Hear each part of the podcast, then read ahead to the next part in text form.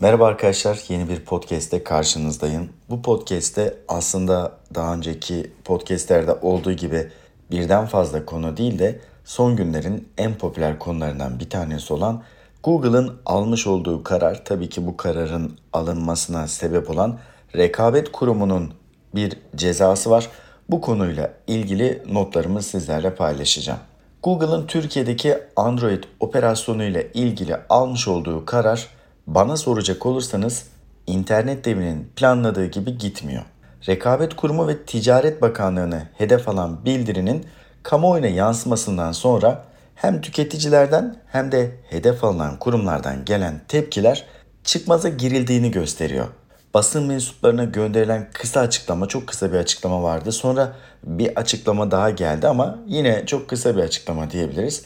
Android işletim sistemine sahip telefon kullanan kişiler için aşırı bir tepkiyle karşılanmış durumda ki bunu Google'ın hesap etmesi gerekiyordu.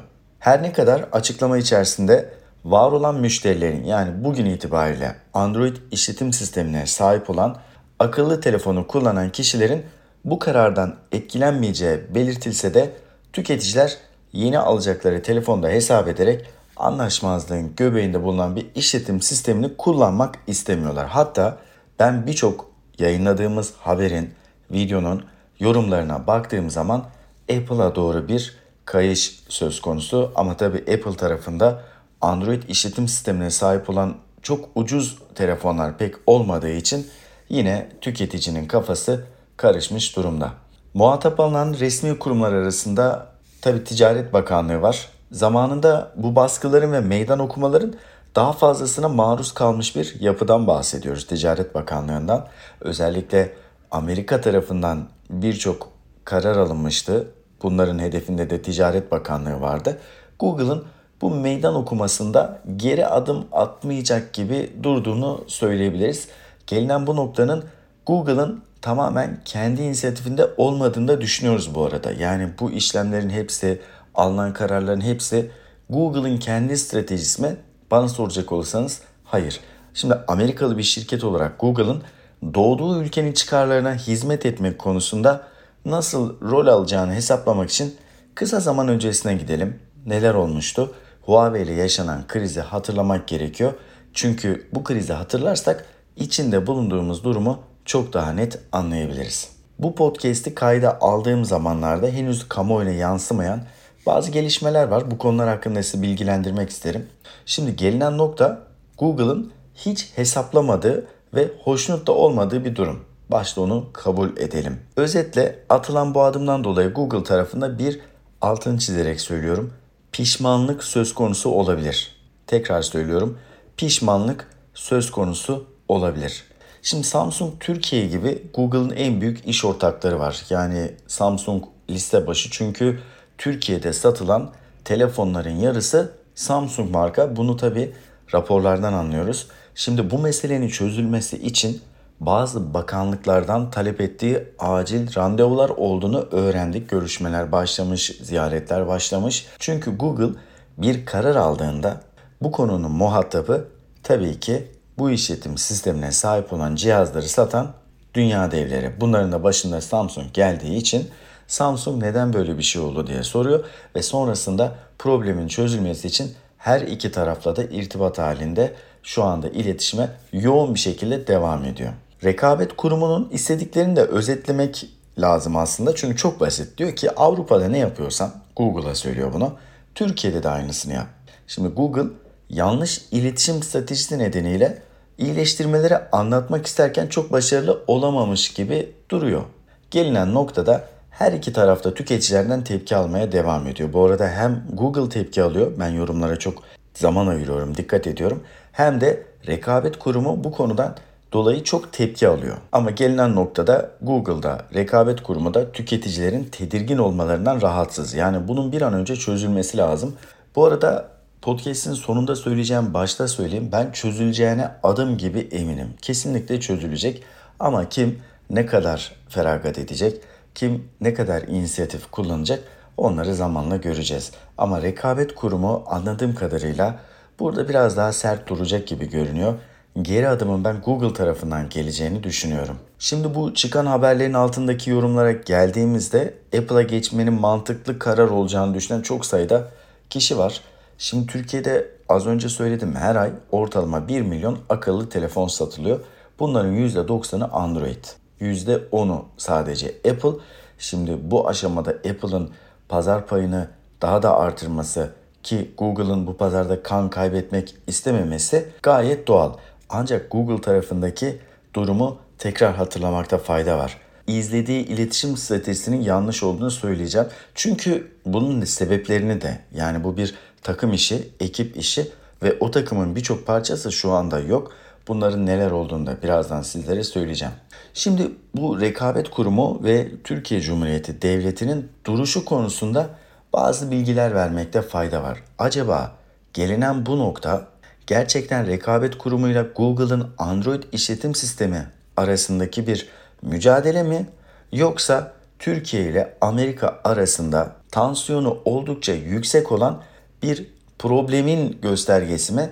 Bunu da tekrar düşünmekte fayda var. Şöyle ki Kuzey Kıbrıs Türk Cumhuriyeti'nin kuzeyinde biliyorsunuz enerji kaynakları arıyoruz. Sonrasında Suriye'nin kuzeyinde bir operasyon gerçekleştirildi. Adı Barış Pınarı. Şimdi bu iki operasyondan sonra birçok devlet tarafından ülkemize karşı uygulanması düşünülen ekonomik baskılar var. Tam bu dönemde yani tansiyonun oldukça yüksek olduğu ve hassasiyetin çok fazla olduğu bir dönemde Google'ın böyle bir karar alması kendisine sanki avantaj sağlayacakmış gibi yani karşı tarafı rekabet kurumunu dolayısıyla Türkiye Cumhuriyeti'ne zor durumda bırakarak sanki ticari çıkarlarını yeniden normalleştirecek gibi bir algı olsa da aslında tansiyonu yüksek olan bu ortamda internet devine faydadan çok zarar verecek gibi duruyor bu kararlar. Bir internet devinden bahsediyoruz yani Google Türkiye'den. Karşı tarafta da Türkiye Cumhuriyeti'nin resmi bir kurumu var, rekabet kurumu. Daha daha da üstünde Ticaret Bakanlığı var.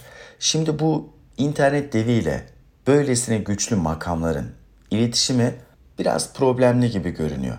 Orta Doğu'da işler Avrupa ve Amerika'daki gibi yürümüyor. Şimdi bu kuralları, bu ortamı, bu platformu iyi anlamak lazım. Zaten bu tarz dev şirketlerin Türkiye ofisleri devletle olan ilişkilerinde kamu ilişkilerini yöneten bir ekibe sahip ve aynı zamanda kurumsal iletişim ekipleri de oldukça güçlü. Bunların içerisinde ajanslar da var. Tüm bu iletişim böyle kalabalık bir kadro tarafından yönetiliyor. Ama Google'ın Türkiye ofisinin son yapılanmasına baktığımızda bu yapılanmaya ait olan birçok önemli yeteneğin artık Türkiye'de olmadığını görüyoruz. İşte bu krizi bırakın bundan çok daha fazla büyük krizleri yönetmiş olan kurumsal iletişim ekibi artık yok, azalmış durumda. Bazı yetenekler kaybedilmiş durumda.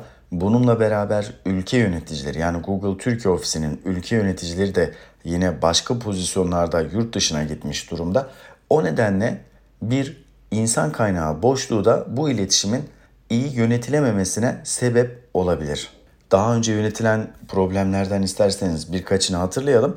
YouTube mesela haftalarca kapalı kalmıştı YouTube ama iletişimle beraber yeniden açılmıştı. Devletin talepleri yerine getirilmişti ve bu sefer Türkiye'deki kullanıcılar YouTube'da içerik izlemeye devam etmişlerdi. Şimdi YouTube gibi çok önemli bir platformun bile iletişimle çözüldüğü bir ortamda Android işletim sisteminin Google servisleriyle alakalı problemin de çözüleceğine kesin gözüyle bakıyorum. Sadece kimin ne zaman adım atması ve bunun kamuoyuna ne kadar yansıtılması gerektiğini iyi hesaplamak lazım.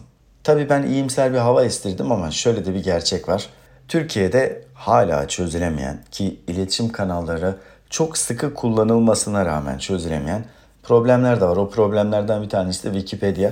Gerçi 26 Aralık'ta Anayasa Mahkemesi bir kez daha görecek. İnşallah güzel sonuç alacağız ama her şey çözülecek. Kesin bilgi yayalım da diyemiyorum. Yine çok küçük bir ihtimal de olsa problemin devam edebileceği ve işte Samsung'un ya da birçok markanın 2020'de telefonlarını satarken içerisinde Google servislerinin olmadığı telefonlar satabileceğini hesaba da katmakta fayda var. Ve geldik podcast'in sonuna. Aslında podcast'te sadece bir konuya odaklanmıyordum. Birçok konu hakkında sizleri bilgilendiriyordum. Ama bu yayını özel bir içerik olarak algılayabilirsiniz sevgili dostlar.